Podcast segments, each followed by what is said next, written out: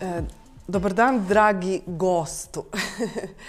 e, naš današnji gost je Zoran Živković. E, ne bih znala tačno da navedem sve šta je u smislu šta je radio, gde je bio, na kojim funkcijama, na kojim važnim poslovima, kakve uspehe životne, profesionalne ostvarivao.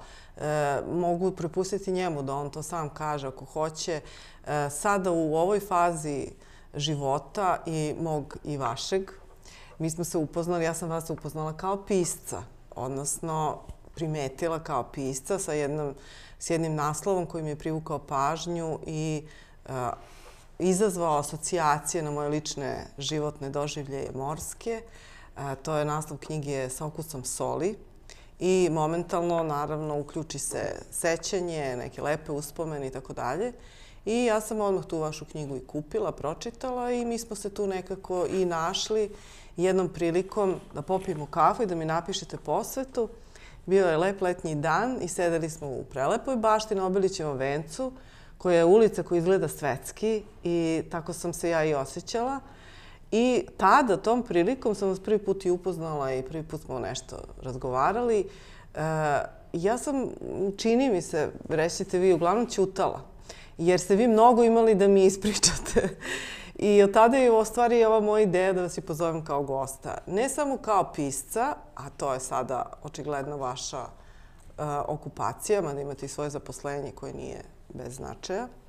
Uh, čitav tok neki vašeg života ili nešto što ste uspeli da mi ispričate, bilo je već fascinantno. I zato mislim da ste vredan gost koga treba da čujem. E, hvala vam što ste došli.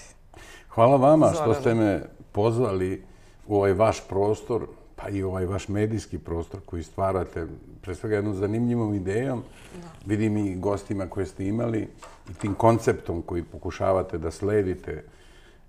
Mi, eto, danas, danas ćemo pričati o moru, iako na polju veje sneg, ili u stvari da budem precizan, kao da pomalo cvili onaj glas Snež, Snežane Jandrlić u onoj pesmi Pada prvi sneg.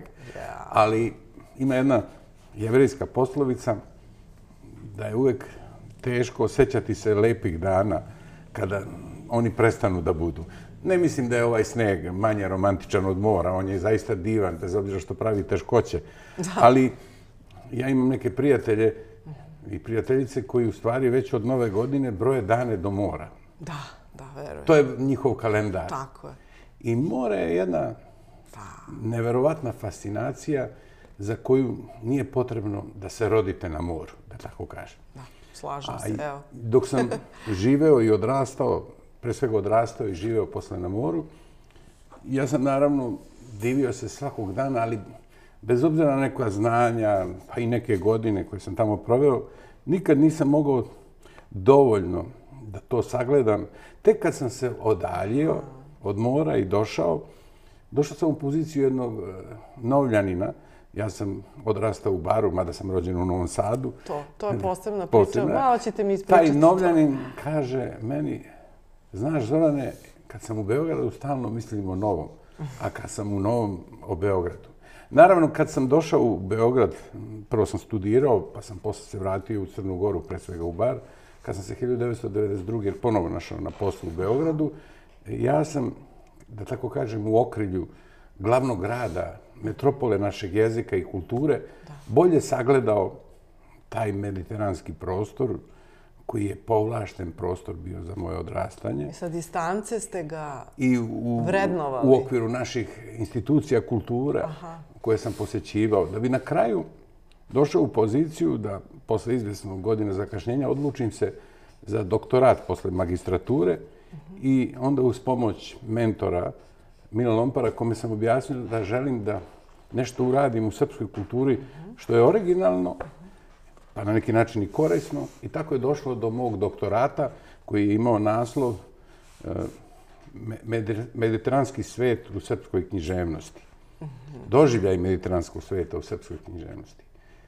I posle toga nastala i moja knjiga, Mediteranski svetionik, koja je zadobila jednu laskavu nagradu u kojoj je zadobila za nauku. Međutim, Vukove, Rad na toj Vukove knjizi je bila za mene jedno zadovoljstvo. To je dve, de, e, 2019. ste dobili nagradu. Da, a, ali rad na tom doktoratu je za mene bio pre svega jedno zadovoljstvo. Ne zbog toga što sam ja bio malo u poštovanijim godinama u odnosu na mlade doktorante, nego zbog teme i zbog jednog osjećanja da ne podržavajući baš do kraja svoju sujetu, da sam u prilici da nešto uradim što je zaista bitno. Dobro. I sada bih rekao da je ta knjiga na neki način sublimacija onoga što se zovu mediteranske kulturne, pre svega književne veze i značaj Mediterana za jednu kulturu kakva je srpska, a ona, iako na prvi pogled možemo je nazvati Srbiju zemljom nemediteranskom, ona ima svoju kontaktnost, ima svoje dodire. Da, a da. jedan od dodira srpske kulture i književnosti bio je Mediteran. I da tu stvar zaokružimo Da. i jednim faktom, jednom činjenicom, E, UNESCO ima jednu klasifikaciju zem- zemalja Mediterana. Njih je, mislim, 21, ali tu je još pet zemalja koje ne izlaze na more, ali su svojom kulturom, tradicijom, prošlošću smatraju se mediteranskim zemljama. Među njima je i Srbija. Malo ko to možda zna i možda je ovo prilika Dobro. da to saopštimo. To nam je večita želja da izađemo na more i fizički, ali dobro i to, da su nas priznali. Kao što postoji to dugo, dugo putovanje Srbije kroz književnost na more, gde ona nije zauvek ostala, praktično istorijski je od, Da. od 1918. do 2006. bila mediteranska zemlja kroz dve, kroz i treću čak Jugoslaviju, SR Jugoslaviju. Tako i moje životno putovanje Da, da, to bilo. je, to je vrlo... U stvari, ja mislim da svako ko ne iznedri ono što je u toku života, e, mu se kroz iskustvo dogodi i prikaže. I da je veoma povezana ta vaša misija, da kažem, koju ste sebi sada postavili, možda i kroz doktorat i kroz ovo, meni se tako čini, kroz vaše poreklo i vaše putešestvije koje povezuje taj prostor.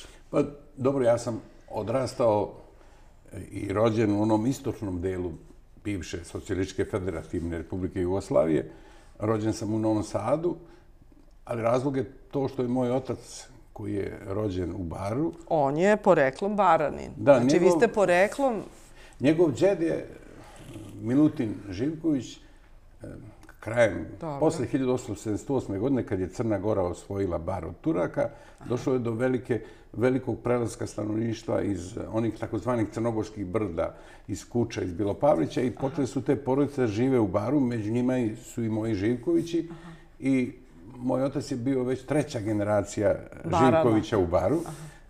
A, ali taj odnos prema moru, iako je more bilo u Crnoj Gori praktično na par kilometara vazdušne linije, postoje, kao i svugde u svetu, bio je nekako, da kažem, dugo je more bilo daleko. Sve dok se nisu dogodili neki uslovi.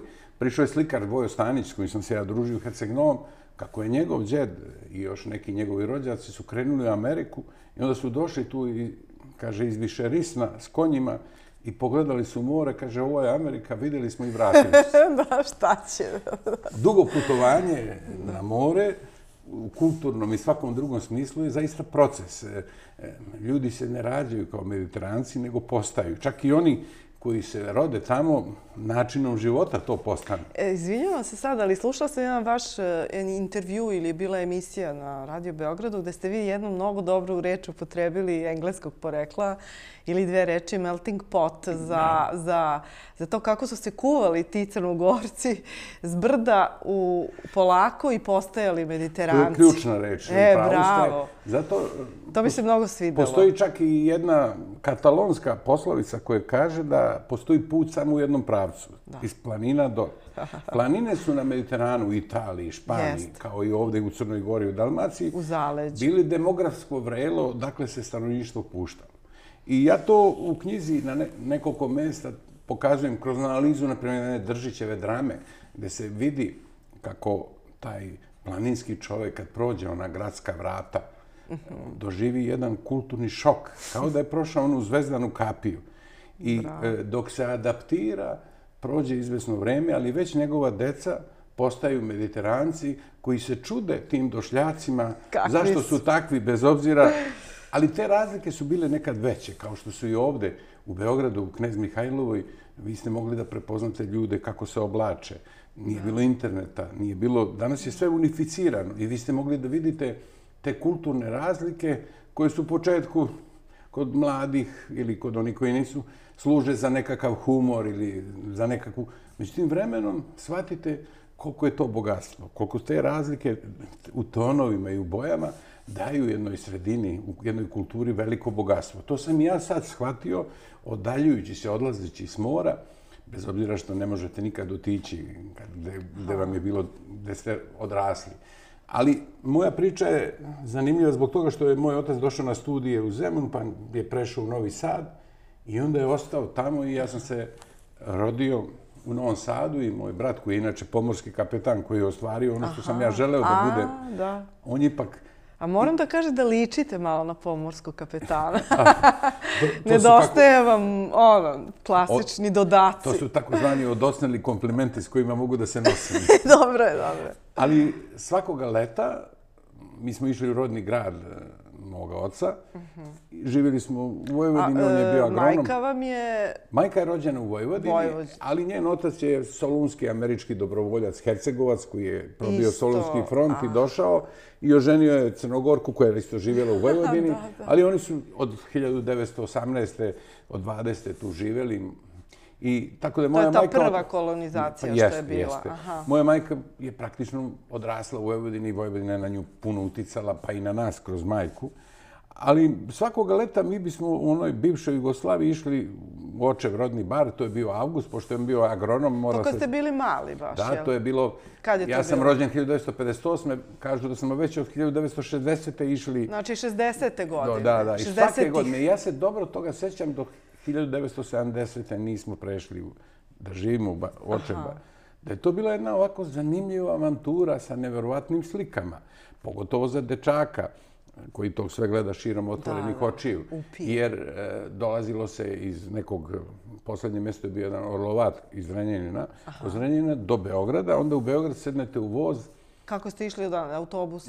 Isto vozom, je vozom. voz do Dunav stanice dole. da, da. I onda sednemo u voz, karte su naravno kupljene ranije, to je sve. I ide se do Vinkovaca.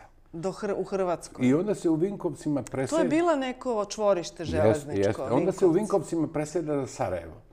I sećam se, ja sam, ja e, dugo godina nisam bio u Sarajevu, iako sam ga svake godine dva put video. da, ali vidio sam želječku stanicu. I onda je, Sarajevo bio neobičan grad, ono što sam zapamtio, ali sam put od Sarajeva do Čapljine vozom pored Neretve, to je slika koja i dan danas u meni budi neka lepa sećanja. I onda bismo u Čapljini prešli u motorni voz za Nikšić. To je, čekajte, koji prevoz po redu? Pa to je već znači, četvrti, ja Četvrti. I onda u Nikšiću se uzima šinobus koji za sad i postiže do bara. Pet. Znači pet prevoz. I onda dolazimo u stari bar gde, gde je živjela moja baba i moj stric onda je to, znači tu prođe skoro čitav dan. To je... aha, kako ste vi to shvatili? Je li bio neko nervozan? Je li neko nešto pa, prigovara? Dobro, to je bilo leto, ali moj otac je bio uzbuđen jer ide u svoj grad, a mi smo išli na more. Išli ste za njim, I, za, I bez obzira što je, što je tu bilo promena raznih, to nismo osjećali. Više se sa toga sećamo sa nekom izrazitom zadovoljstvom. To su, vidjeli smo razne slike, ljude, doživljaje u vozu promene od ravnice do planine, do dimnih reka. I to je taj, to je bilo svake godine i onda dođete u jedan grad eh, okruž, gde oko starog, između starog i novog bara je praktično jedan pojas maslina. Sad tvrde da tu ima preko 100.000 korena maslina. I Razdvaja ih. I, to, su taj, u, to polje. uronjeni su u, u to. I sad, ali masline i taj prostor, to je potpuno drugačije. Nešto potpuno. Leti, na primjer, kad je pun mesec u julu, e, duva maestral i oni listovi maslina kao neka srma onako pre, pre, pre, prelaze i čuju se oni e, cvrci, u baru kažu krijecelji, čujete tu muziku, čujete taj, osjećate taj maestral i ujutru se naravno radujete jer ćete ići na more. Ali posebno uzbuđenje je bilo tim šinobusom kad iz Nikšića uđe se u tunel Sozina, koji je najveći na Balkanu. A Šinobus je u stvari bus na, na šinama. Pa to je, da, je, tako se zvao. Kao, nije, nije voz. Svetlo, e, srebrnasto metalni je tako izgledao. Aha. On je do skoro mogao se vidjeti. Do duše u nekim filmovima. Ali meni je tako živo sećanje, pa kad neko kaže da to ne zna, ja ne mogu ne, da verujem. Pa to vam kaže. Znači, to su sada neki detalji koji su nezamislivi za ovo vreme. Da, to je... A ljudi su e, prilično komforni i gledaju da što komfornije putuju. Avion, e, kola, automobili, dobri, šta ja znam. I redko, mislim, nezamislivo je da ti promeniš pet prevoznih sredstava i da putuješ 24 sata da bi stigao do mora, a da pritom ti to bude doživljaj koji ti stvara trajne, lepe uspomene. Znači, to, to je malo, znači, ta, ta to je danas nezamislivo i meni je to, to je egzotika za, za današnje vreme. Ja se sjećam... I prilično, izvinjavam se, taj doživljaj koji je bio uh, takav kakav je pozitivan, a nigde negativan. Pa, mislim, tu se osjećalo 60. godina, kako se govorilo posle tog Titovog splitskog govora, da je krenulo se u jednu novu Jugoslaviju, gde je ekonomija, neki razvoj u tom okviru tog jednopartijskog sistema bilo nešto što je značajnije bilo nego ranije. I videlo se taj veliki pokret naroda baš prema Jadranu. I taj Jadran je postao blizak ne samo onima koji su sebi to mogli dopustiti, koji su nalazili način, nego, je, nego su počele te takozvane socijalističke mase, obrele su se na Jadranu i odjednom počinje nekad Jadran beše samo, bila neka pesma, samo bajka, a sad je postao svima dostupan.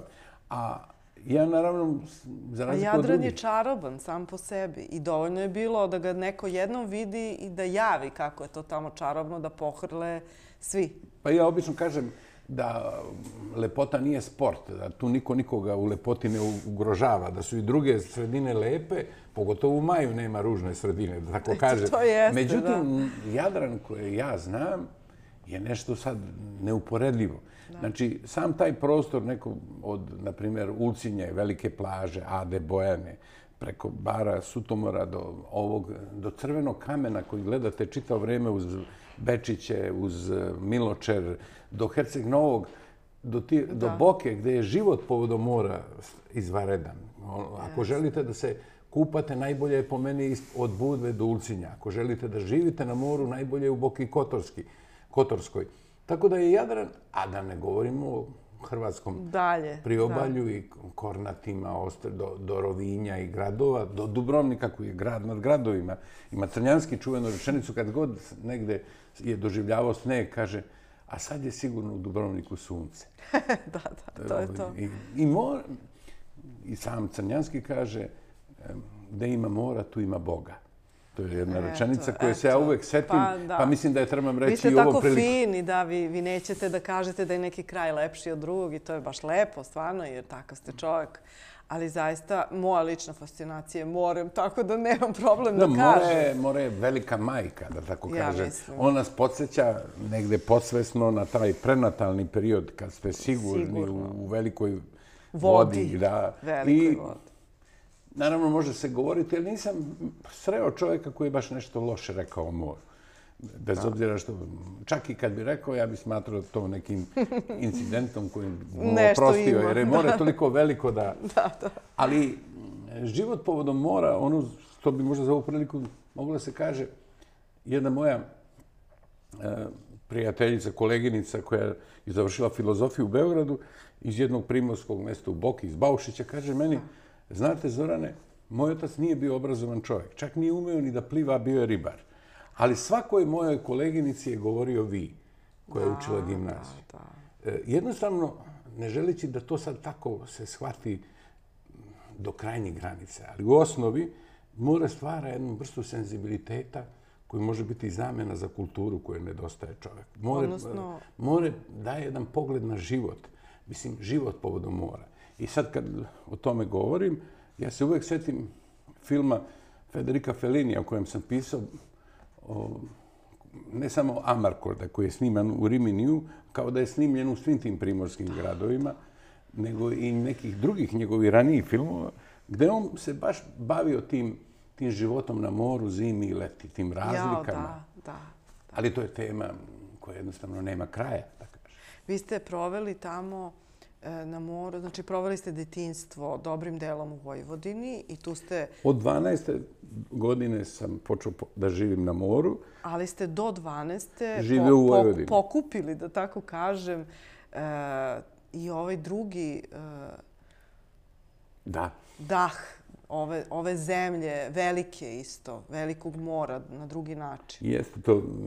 Jedno sam, u stvari, sve ovo o čemu pričamo, posljedica je jedna beogradska spisateljica i izdavač Nataša Marković napisala je neko, neki roman Ostrovo device i zamolila me da govorim. Dobro. I ja sam otprilike rekao, eto, govorimo podno jednog, iznad jednog mora, nekada velikog i slavnog, a, a govorimo o moru koje nam je u srcu i koje nije tako daleko geografski. I imam utisak e, da kad čitam taj roman, taj roman nije doživeo neku slavu, ali je meni bio zanimljiv, kao da to more, Miločar i Sveti Stefan, odmah počinju tu ispod Kalemegdana. Samo da prošetamo. Ona je povezala knez Mihajlovu i pre, prelazi u Miločar i Svet, na Miločar i Sveti Stefan.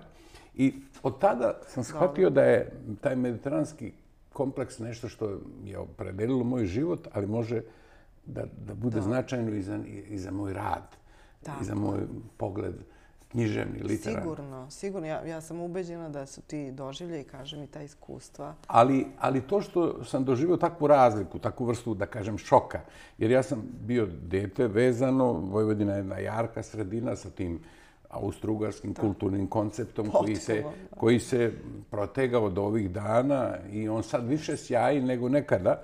Ra razlika, razliku I to je tolika razlika da je, da je to u stvari dovelo da ja o tome razmišljam na ovaj način i, i to u gradu kakav je Beograd, koji je ne samo metropola našeg jezika i književnosti, nego je on metropola zato što ima svoj, svojih više lica metropolskih lica. To je i ovo orientalno i, da kažem, ovo, ovo secesionističko u graditeljskom smislu i to pomalo i austrugarsko, i, pa ima i to mediteransko.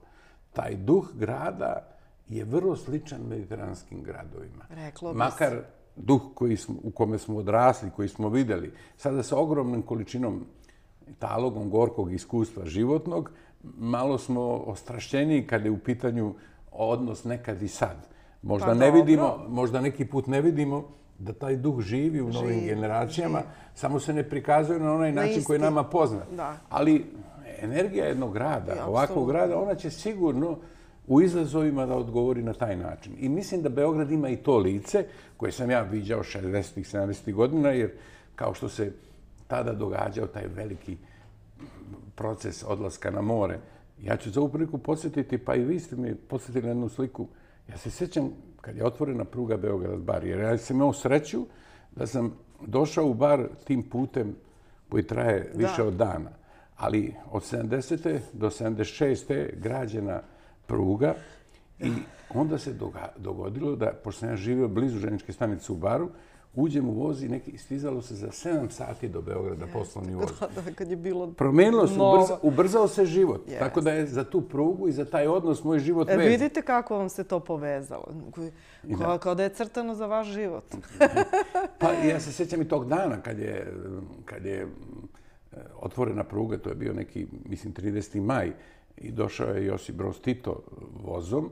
I ja sam Taj plavi voz. Plavim vozom. Ja sam bio u trećem gimnaziji. Pokušao sam to da bih video blizu tamo stanice. Popeo sam se na jednu smokvu.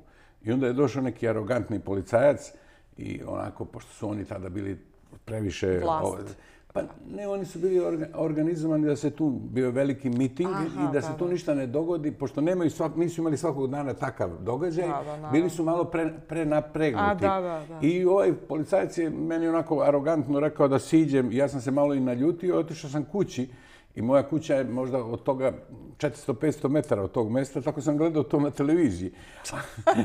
Ali je tada zaista, već iduće godine ja sam završio gimnaziju, počeo sam da putujem, I na neki način Beograd i srpska privreda u okviru Jugoslavije su držali tada razvoj grada Bara, Luke yes, Bar. I onda je se to osjećalo i sad se toliko je bilo vozova u sred sezone da vi ako dođete ujutru rano u Sutomore da nekoga dočekate kao što sam ja dočekivao prijatelje, rođake ili u Bar, u Sutomoru je bilo kao iskrcavanje u Normandiji. Nekoliko hiljada ljudi izlazilo iz vozova da bi nastavili za Petrovac, Budu, Herceg-Novi. I to su, skoro sam čitao kako je ovaj futbaler Manchester United, da Nemanja Matić kaže, prvi put sam vidio more u Sutomore. On je došao iz, on je iz uh, okoline Uba i prvi put su vidjeli mnogi ljudi. Onda tamo su bili razni domovi, razni letni kampovi. Da, da, to je, To je bila jedna komunikacija. Dolazili su mladići i devojke iz raznih gradova, iz inostranstva.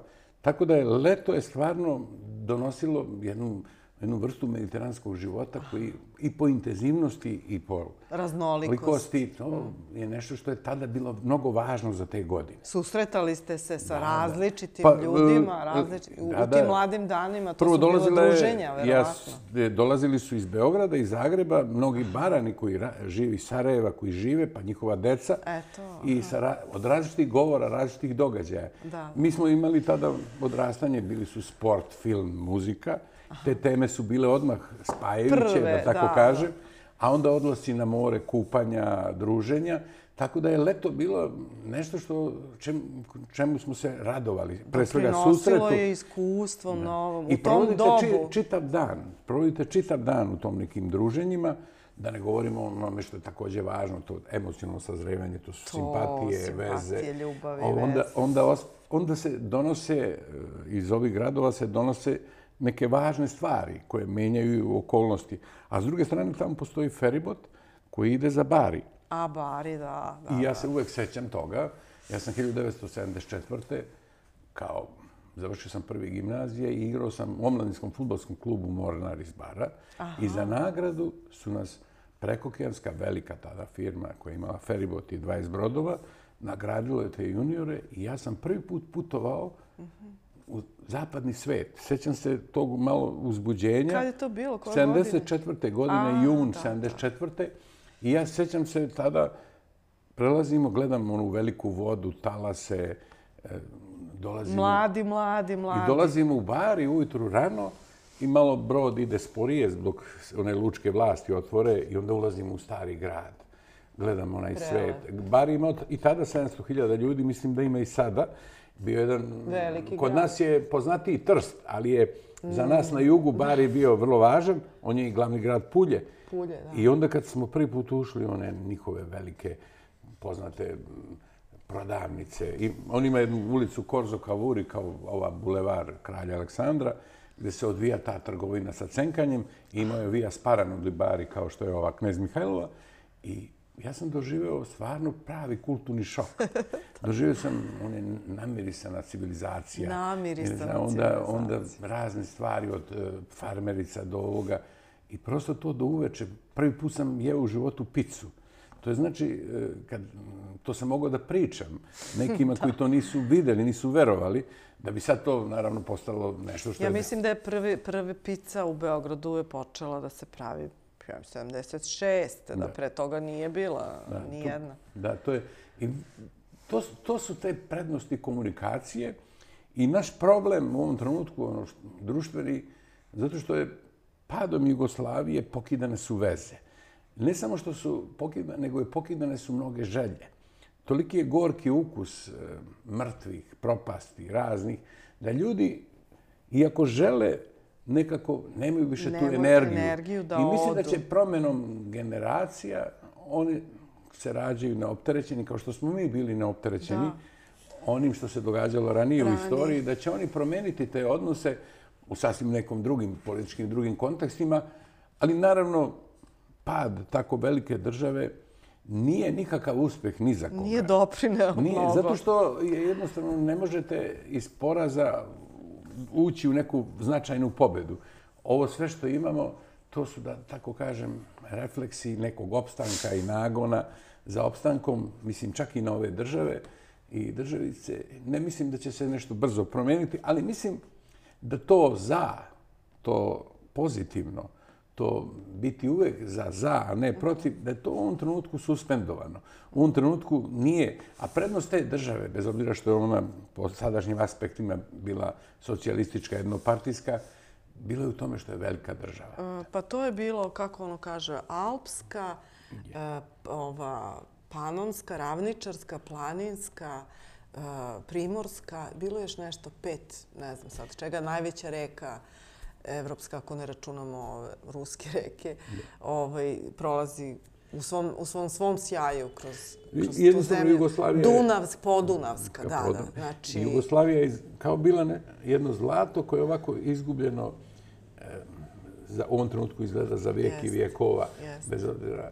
Ali ne govoreći sad sa Dobar je bio život eh, u smislu te raznolikosti i mogućnosti da ti... Ja sam baš pričala isto ovaj, mojima, moje deci da smo putovali eto, preko Trsta pa dalje tamo u Francusku, šta ja znam. I onda eh, kad se vraćamo, eh, mi smo, uđemo u Sloveniju, mi smo stigli kući. I taj osjećaj da si ušao u svoju domovinu je da si otišao konačno, da si se, kako da kažem, zbrinut si već. Sad tu nema šta, ne misliš da si... Osjećaj je najvažniji, to ste Osjećaj i tu smo prespavali sad jednu noć, da ne bi baš sad putovali, ne znam ono koliko, u cugu. I onda od Slovenije do Beograda poseban jedan put, ali kad pređeš tu granicu, kad uđeš u Sloveniju, ti si na osjećaj da si stvarno na sigurnom i da si u svome. Na neki način o tome ja nešto govorim u ovoj drugoj knjizi, pošto postoje dva eseja, jedan o slikaru Voju Staniću, koja je za mene jedna od ličnosti nad ličnostima koje sam upoznao, a drugi je o Arsenu Deviću. Da. I, za I ta, mislim, ta, mene je lično taj naslov privukao, jer sam se setila detinstva i tih, te pesme i tog osjećaja koje mi je rađala opet asocijacija na more, na, na U stvari, originalna, sunce. Na... E, originalna pesma je italijanska. Italijanska. Da. Gino Paoli, veliki italijanski kantautor, je pevao to sa poredi sale, se poredi mare. Da. I ta pesma se često pojavljuje u nekim tako komedijama, filmovima u Italiji, Italiji koji su snimani upravo o tom mediteranskom duhu, o tom životu. Arsen je rođen u Šibeniku, koji je tako, da. odakle je i Simo Matovu, junakove prve knjige, da tako Aha. kažem. I Arsen je, praktično, ja to kažem u knjizi, bliži mu je Mediteran nego neki kontinentalni deo. On sa Felinijem, pa sa Stanićem, koga isto strašno ceni, tri... on deli te vrednosti. I on je u našu kulturu, u našu muziku, preko šansone, jednog višeg nivoa, da kažem, zabavljanja, da upotrebim taj izraz, unao jedan novi način predstavljanja emocija, imenovanja emocija. On je stvarno doneo nešto što dotle nismo imali i Arsen je doneo taj dah Mediterana u tom najboljem ključu. Čak i njegova porodica, njemu je majka iz sela Rupe, katolkinja Veronika Mišković, a otac mu je poreklom iz Crne Gore, iz Kuča. On je tamo živio u Šibeniku. Toliko to je narod povezan. Da. I on, on je jednostavno pravi izraz toga. Ja u knjizi pričam o jednom susretu s njim kojim sam imao i, po, i o tome šta je on meni znači u našim e, generacijama. I opisujem taj trenutak kao za mene najviši trenutak Jugoslavije. Svako može da ima svoje velike, ali meni je najviši trenutak Jugoslavije događaj koji se dogodio nedaleko od vašeg ovde mesta u antikvarijatu antikvarijatu, čuvenoj knjižari Srpske akademije nauka. Ja sam tada upoznao, posle sam sreo, posle dugo godina, jednu pravnicu i ona je advokat iz Vrsa, vidjeli smo se na jednom koncertu i ona je pričala meni kako je izlazila iz knjižare jer je kupila novu Arsenovu zbirku narodne pjesme. On je i prvu i drugu zbirku prosto da upotrebim taj izraz, prodao u desetinama hiljada primjeraka. U tiražu koji sad romani ne mogu da zamisle velikih nekih pisaca savremenih.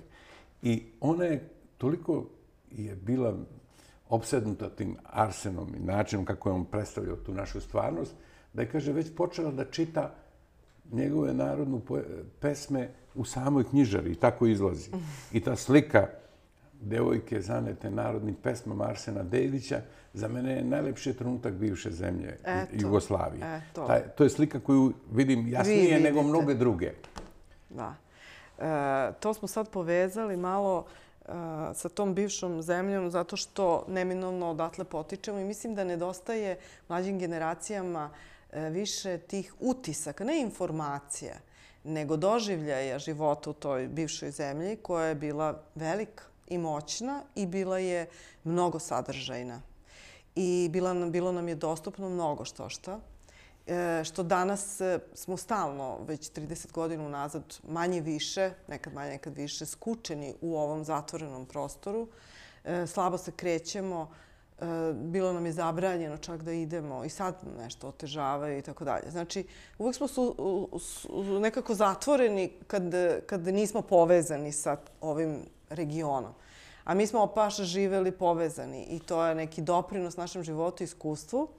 I ja bih povezala ovo sada sa tim vašim, eh, taj vaš život i ta, ta vaša eh, povezanost sa mnogim, odnosno evo dovoljno i sa tom transferzalom Vojvodina Crna Gora, eh, doprinelo je tome da sad, ovako kad se odaljite, napravite ova dva romana koje imaju temu Mediteran. Mediteran.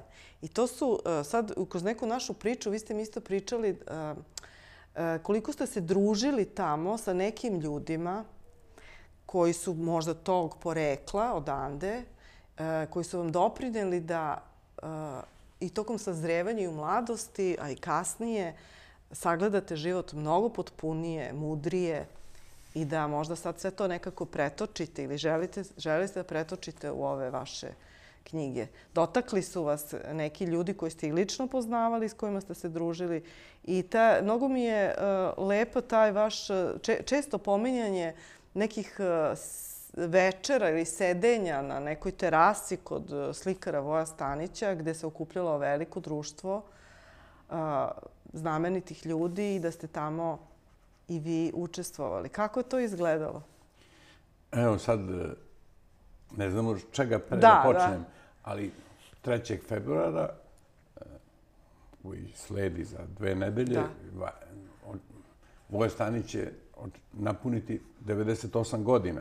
On nije sad u tako dobrom zdravstvenom stanju, ne izlazi, ali poslednjih 15 godina, kako sam ja išao u Herceg Novi na njihov sajam knjiga zvani Trg od knjige, ja sam uživao tako što bih uveče govorio o nekoj knjizi, ali ta dva, tri dana dok sam tu, svaki dan idem ujutru da sedim kod Dodoa, to je blizu njegove kuće, na škveru, i da pijemo espresso i da bez severa i smera govorimo mnogo čemu. Kod njega se menja ekipa. Jedan dan su neki bivši funkcioneri, drugi dan su neki lokalni ribari.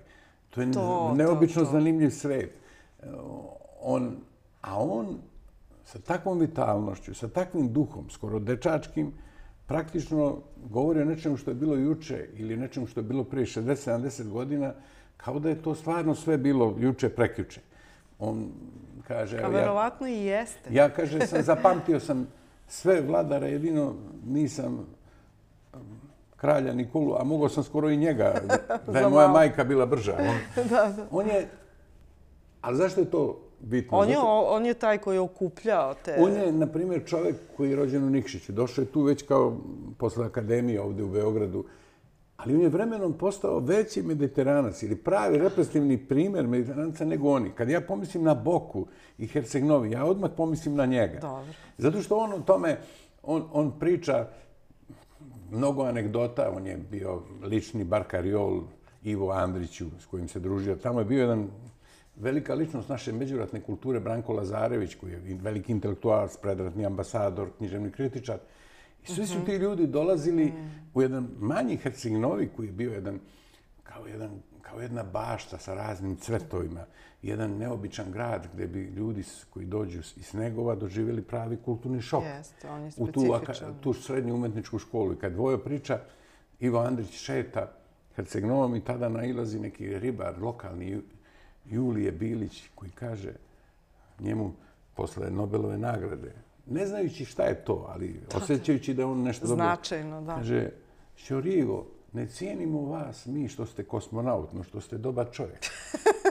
Kad Vojo priča, Stvarno. začini takve stvari. da, da, da. Vi jednostavno osjećamo svi kao da smo u jednom romanu jednog egipatskog eh, Nobelovca Nagiba Mahfuza. On ima jedan roman gdje oni sede na Nilu i drže to one nargile. To su ta mesta. I kao da se kreću, a u stvari Nil prolazi, Nil kroz, prolazi kroz njih i svi događaju. Tako i mi ovdje, Bravo, kao da. da letimo negde, da. a u stvari toliko... I ja nisam mogao da da ubedim dovoljno neke ljude da kaže da jedva čekam, idem da se vidim s jednim čovjekom od 90 godina, koji je mlađi od mnogih mladih ljudi. Eto. I koji je na neki način, jeste prošlost prošla, ali kad je on u razgovoru sa mnom, a ja želim da ga uvek ponukam da govori, ona je tako živa, življa od života koji mi sada proživljavamo. Da, da. To je vreme dalo i sklonost moja koja ka tome, zato što sam ja posle studija u Beogradu, gdje sam od jednog profesora bio nagovaran da idem odmah na magistraturu, Aha, da ja sam u stvari mislio, mislio da treba da se bavim posle tog fakulteta, previše boravka da, da se bavim pomorstvom.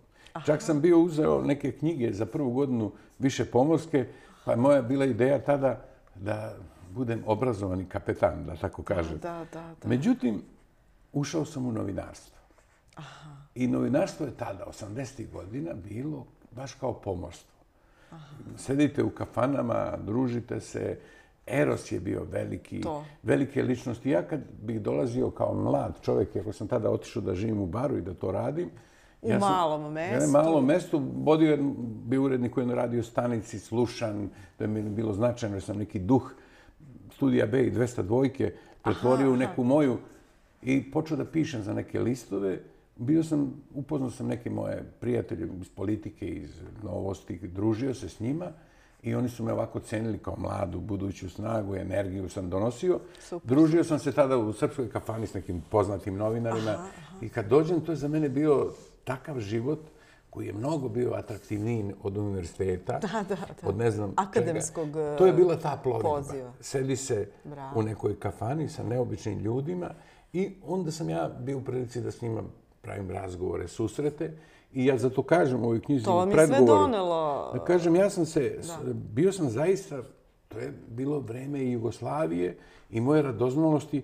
Moj start socijalni, moj otac je bio stručni nastavnik u poljoprivrednoj školi, majka je bila domaćica, ali u toj velikoj zemlji ja sam mogao uh, da Sebe. provodim vreme, zahvaljujući možda i mojim nekim predispozicijama, sa ta, takvim piscima i novinarima, ali čak i sa onim koji su u istinu to, iako nisu napisali ni jednu priču, ni jednu e, ali su bili u kraljevskom smislu reči to. Tako. Ti zanimljivi ljudi su bogatili na mene život, i, bogatili život. I ja sam se trudio ako mogu da ličim na njih, makar vremenom.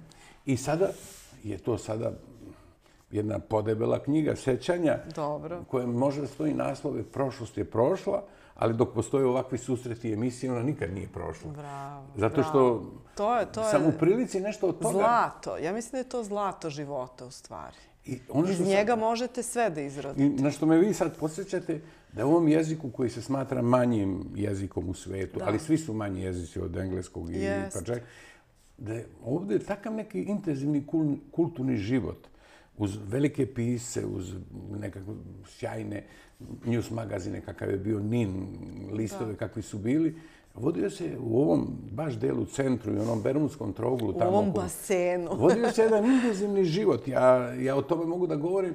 Zaista je, sam čak i bio u nekom smislu protagonista koliko sam mogao da budem. Dobro, dobro. I, a sada kad se osvrnem, setim se, to je vreme, vi ne možete sada pretpostavite kako su bili cijenjeni neki ljudi.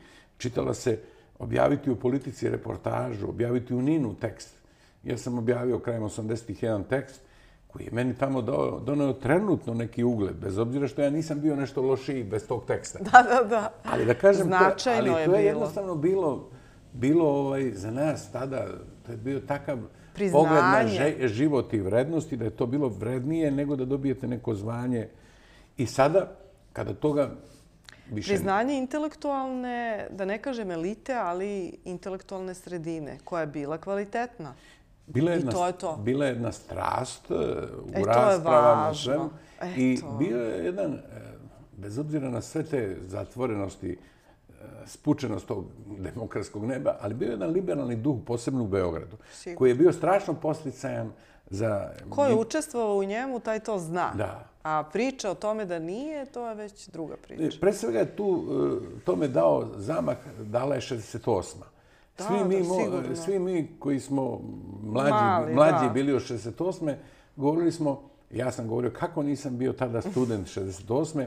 jer svima je bio ideal, makar sam to slušao u prepričavanjima, da mi održati govore kakve su održali Steo Žigonje, održao čuveni Robespierov govor, do duše iz predstave. Izglumeo je, ali, ali je autentično. Ali taj govor je bio, govorili su Nikola Milošević, govorio je Jeste. Dragoljub Mićunović, govorio je Ljubiša Ristić, hvalili su. Jeste. I svi smo doživjeli 68. bez obzira na njen krajnji politički neki neuspeh, ali ona je dala jedan strašan posticaj, jedan duh slobode, i onog intelektualne... Ali i smanju, malo su se i te slobode, da kažem, pa malo se omekšala... Da, upravo taj liberalni duh. E to je ono zbog čega smo voljeli da studiramo u Beogradu, bez obzira zašto smo voljeli Beograd. Beograd je bio metropola na srpskom jeziku. Jeste. Mada znam, mislim, kod mene na mom fakultetu, ovaj, profesor Đurić je 70-ih otišao u zatvor, tako da, mislim, da ne pričamo sada na idealizam, ali što se tiče intelektualnog promišljanja i doprinosa ljudi koji su imali mogućnosti da se razviju, ovaj, pa eto i vi, pa ne, budem, ne, nesporno je, ipak. Ne, ne budem tu patetičan. Znate, ono, Beograd je svet. Ni to džabe, ovaj, Ti događaji smišljen su, taj slogan kako ti događaji su pomerili granice slobode, a to pomeranje je bilo mnogo značajnije nego neki rezultati privredni, iako ne možemo bez privrede. da, da. I zato što je e, taj eros koje slobode, koji se tada e, raširio, zapatio, jeste, upravo, a, a intelektualci su mu davali ton, jeste. je nešto što je ovaj činilo život tako smislenim i tako vrednim, bez obzira na ishode koji su po, da, zna, da, poznati. Da. I zna se, I u tom smislu Beograd je bio stvarno grad. A kasnije i 80-ih, možda vi ste se preselili, ali 80-te su bile svetske, svetske, da kažem, svetskog šmeka u Beogradu. I... Šta god je došlo novo, ne. došlo je i pušteno je i bilo je... Bilo ne bih to sad e, u, politi u političku analizu, ali rekao bih... Ne, nije politička, mislim na ja kulturnu, kažem, da, da. Zato što je, posle smo shvatili da je Jugoslavija, od 80. od onog maja kad je sahranio Josip Broz Tito, u stvari nismo primijetili, pretvorilo se u Titanik. Ali to dugo putovanje u noć, u dugo putovanje, delovalo je fascinantno. Jeste. E, jednostavno, dobijali smo mogućnost, ljudi su koristili da pomere retoričke slobode ali nisu se vukli mudri potezi, ali sad ja to ne da. mogu da zamerim. Pop kultura je bila posebno... 68. i 70. su značajne u ovom smislu, kako sam rekao. Da. A 80. to je Bella Pok. Da. To je jednostavno uživanje koje će se pretvoriti u tamnu noć 90. godine. Yes. Ako govorimo Smejem se jer, jer nije smešno uopšte, ali da. Ne, to da. ste lepo rekli zato. Ne, to je naravno sve uslovno. E sad, to su neki okviri onoga o čemu mi ovdje pričamo, to su stvari koje su, jer život vredi u svim uslovima i on je, da upotrebi Andrićev, on je čudo bez obzira na okolnosti.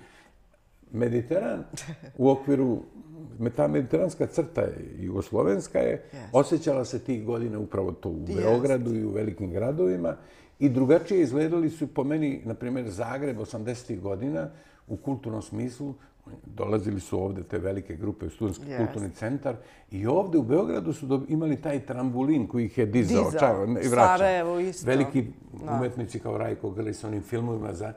Od te yes. interakcije, na primjer, Zagreb, ja mislim, nikad neće biti veći nego što je bio, po mom osjećanju. A i Beograd, naravno. Sad Ali je imao priznanje Beograda koje mu je bilo da, neophodno. Da. Pa ja se uvek sećam kad, Zagrebač, uvek, kad Zagrebačke kao student predstave ovde dođu pre sterinog pozorja, kad se igraju u Beogradskom pozorištu, to su takve salve aplauze. Yes. To je tako... Beograd je imao jedan da. takav renome od sporta, kulture, da je to nešto što je neki način, ako Nosilo nas je Inače, to. Inače, ja nečemu dugujem, osjeća se barem malo u ovim knjigama. Jeste. Možemo da povežemo sad. Evo, pošli smo dvoje stanići tih, tih, tih druženja na moru, pa smo prešli na beogradska druženja. To je sve tako povezano. I onda i na ta vaša baranska, da kažem tako. E, kad ste vi to počeli da bivate u Herceg Novom? Leti, šta? Leti se održava taj trg od knjige i negde kad sam ja ušao u izdavaštvo, pošto sam ja, ako već govorim o svojoj biografiji, posle deseta godina nekog novinarstva u Crnoj Gori, to se završilo nekim mojim odlaskom u vladu Crne Gore, gde sam bio zamjenik ministra kulture u prvoj vladi Mila Đukanovića, 1991. i 1992. Da bi 1992. krajem godine u novembru došao u Beograd na mesto pomoćnika Saveznog ministra za prosvetu i kulturu. I onda sam postao žitelj Beograda ponovo. Živio sam u hotelu Jugoslavija. Iako se Jugoslavija klimala po svim osnovama, hotel je ostao, ali ne više tako intenzivni značaj nemam kao nekad u bivšoj Jugoslaviji. I onda sam radio u Saveznoj vladi, bio sam čak i savjetnik onog saveznog premijera Radoja Kontića za informisanje i kulturu. Ali početkom 2000-te, 2001. sam e, počeo se bavim izdavaštvom, postao sam rukovodilac izdavačkog sektora u službenom listu SRJ. I u toj moćnoj kući sam praktično imao prilike ne samo da naučim, nego i da nešto dodam, nešto od svojih senzibiliteta. I tu sam ovaj, ušao u neke projekte izdavačke.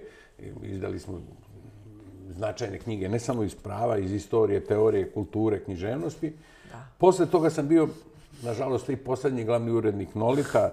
Pokušavao sam Nolit da održim kad je privatizovan. Došao sam, na, uglavnom, posle Nolita sam u Zavodu za učbenike. To je moj životni put. Dobro. Tu sam, naravno, objavio sam umeđu vremenu i određeni tekstove u našim poznatim novinama, nekim nedeljnicima. Dobro. Ali ove dve knjige su neki način sublimacija ne samo mog nekog rada, doktorske disertacije, mog angažmana, nego i onoga što bi ja, ako smijem reći, i mog senzibiliteta i pogleda na život. I želeo sam da u srpskoj kulturi, u srpskoj književnosti postoji jedan takav pogled na Mediteran, jedna, jedna, jedna knjiga koja će to zaokružiti na tako vidljiv i uočljiv način, da sutra ko se bude time bavio, da ima od čega da počne. Bravo. dobro ste rekli, dobro. Ovaj, uh, ja sam uh, vaš čitalac, eto, to sam vam rekla. Za ovu knjigu ste dobili nagradu uh, Vukove, Vukove zadužbine 2019. godine za mediteranski svetionik, znači da je prepoznata. U izdanju je Matice srpske. srpske, što isto nije mala stvar, treba pomenuti.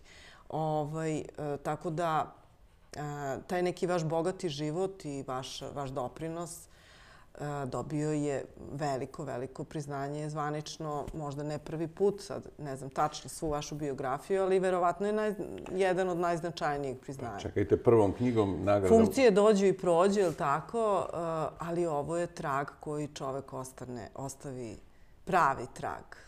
Ve, traje, trag koji traje. Pa rekao bih, e, kad, kad je sve već prošlo, prošlost je prošla, da potrebim tu formulaciju Jaše Grobarova, ja nisam pričao o tim životu sa mnogim i susretima s mnogim našim piscima, čime pa sam bio izdavač, ali kad je sve već prošlo, ja sam i poželeo da se toj sredini koja mi je toliko dala, a ne znam koliko sam ja uspeo od toga da uzmem, da je se zahvalim na jedan način koji je malo trajniji, na ovakav način. I naravno sad kad je to već završeno, ja ne bih se previše osvrtao, ali to je, kako bi na ruskom rekli, mali padarok nečemu što sam se uvijek mnogo radovao i što je za mene i dan danas vredno i što je sad smešteno u ono najsigurniji ima status, a to su uspomene. A uspomene sve očiste do one esencijalne lepote i greju nas bez obzira na okolnosti, pa čak i kad pada ovakav sneg kakav je napolje. Da. Ja sam pročitala ovaj, sa okusom soli. E, tu sam našla mnogo, mm, ne samo, ne samo, vi imate jedan prepoznatljiv stil pisanja, ja nisam stručnjak i nisam ni pozvana da pričam o stilu nekom književnom. Ne smatram sebe, samo sam čita, čitalac ili čitateljka, kako god. A, a, vaš stil i rečenica su meni posebni, nisam naišla na takve, na takve rečenice nigde. E, složene su i e, negde pokazuju koliko su duboke i vaše misli koje želite da prenesete. Sama struktura rečenice mi je takva nekako. Ali našla sam i mnogo podataka istorijskih, faktografskih o nekim ličnostima koje ste pomenuli, koje ste tu obradili, a to su tri Felini, Vojo Stanić i Arsen Dedić. Naravno, negde ste dotakli Ivo Andrića. E, i povezano znači sa tom sa, sa, e, šta ih tu povezuje u tom šta sve povezuje u stvari u tom mediteranskom po vašem tom utisku i mišljenju? Šta je ta nit koja povezuje e, i daje taj mediteranski duh? Pa to je... Koji je i kolevka civilizacije. Ja, ja bih to sad, vi ste to dobro primetili, što se tiče mog stila, naravno on ima taj problem granica je asocijativnosti, moja želja da... I naravno tu se u, u, neće mnogo pogrešiti kad se skrati, ali ja sam, ne mogu neke stvari da skratim, volim da ih podelim.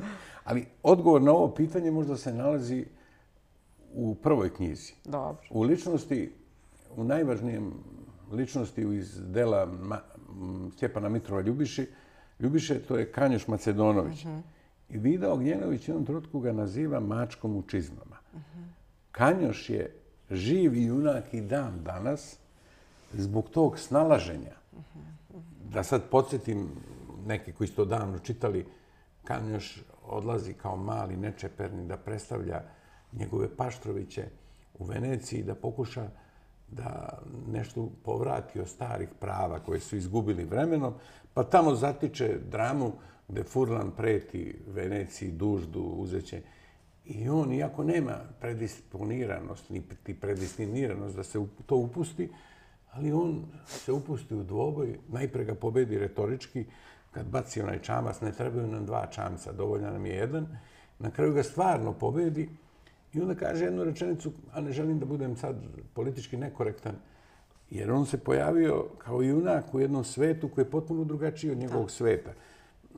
To je svet koji je već tada, u 15. i 16. veku, bio pod onom rečenicom najvećeg filozofa 20. veka, Martina Heideggera, koji je rekao nešto što mi sad živimo. Svetlost javnosti sve zatamnjuje. Da, da. Kanjoš postaje junak i njega skole svi, čak i one dame, jer je Venecija bila razvijen grad, pa imala i one lepotice noći, i to u većem broju nego što ljudi misle, tako kažu istorijski podaci. I on postaje svima njima junak, a on se ponaša kao Paštović koji neće da odstupi ni od čega i kaže tu rečenicu koju ljubi. Teže su mi ove ženetine nego furlan i sve drugo. Naravno, nije htio ništa loše da kaže o ženama, da ga neko ne optužio nego... sada, nego je htio da kaže da on ne može da živi van svog sveta. Iako je on tako nemoderan, e, pomalo da. i atavistički ruralan, da. da upotrebim taj izraz, ali on zna, on se snalazi kao mačak u čizmama. To je taj duh okay. koji je nama potreban i sada da. u pritisima. Jer nije, svaki život je u stvari Mačak. život sa puno izazova. To je pronaći način, čak i na nekoj granici nečega, da ostaneš moralan i svoj. Ili da upotrebim rečenicu koju je upotrebio uh, Ivo Andrić kad je govorio o Petru Petroviću Njegošu.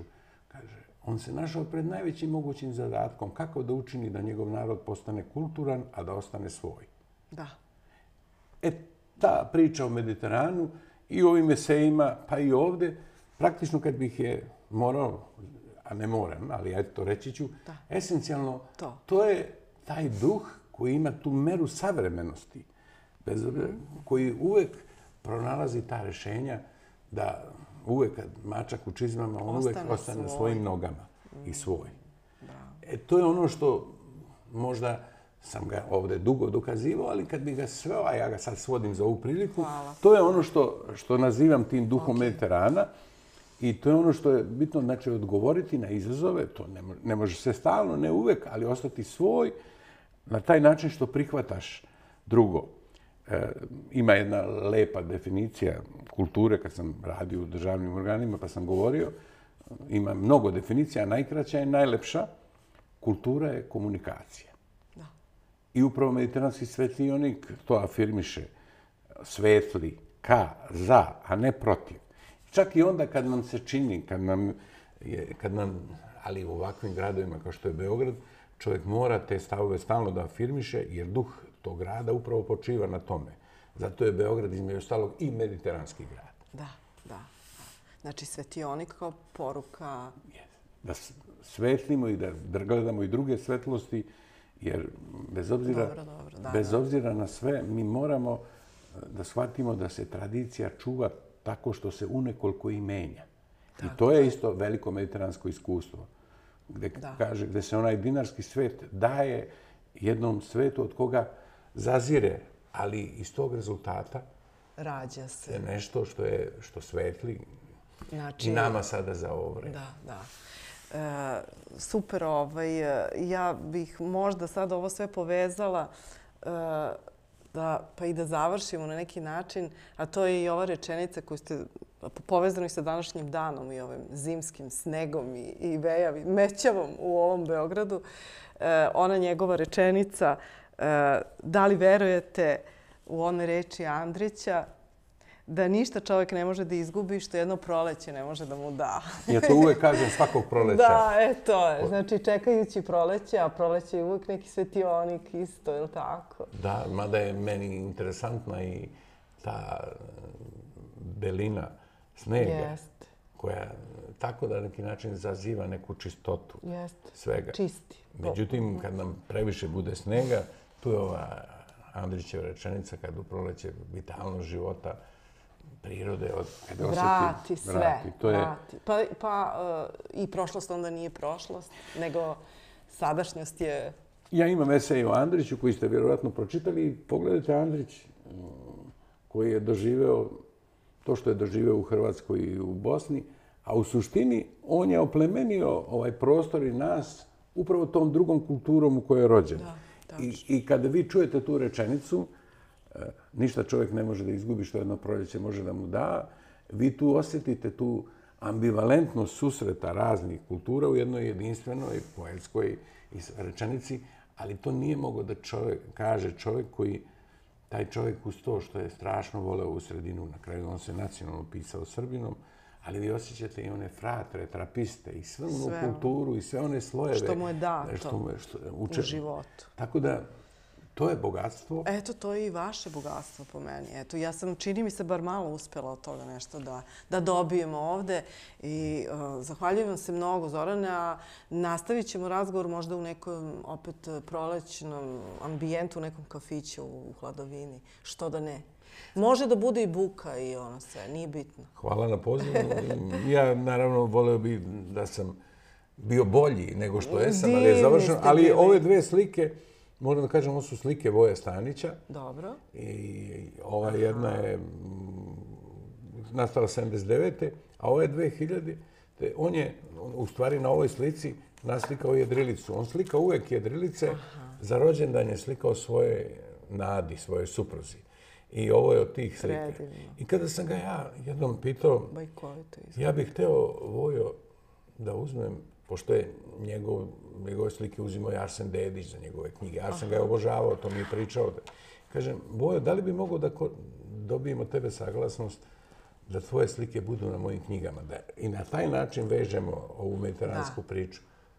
A on je odgovorio onako sa cigaretom, a Zorane, nemoj to da me pitaš. A jao, što je moje, to je tvoje. Divno. Hvala Zorane još jednom. Hvala vama. Uh, dragi uh, slušalci, gledaoci, uh, nastavite da nas pratite i gledate na YouTube kanalu, na svim audio platformama. Do sljedećeg viđenja. Like, share, subscribe. Gotovo, prodato, je li? E, to mi ubaci, da.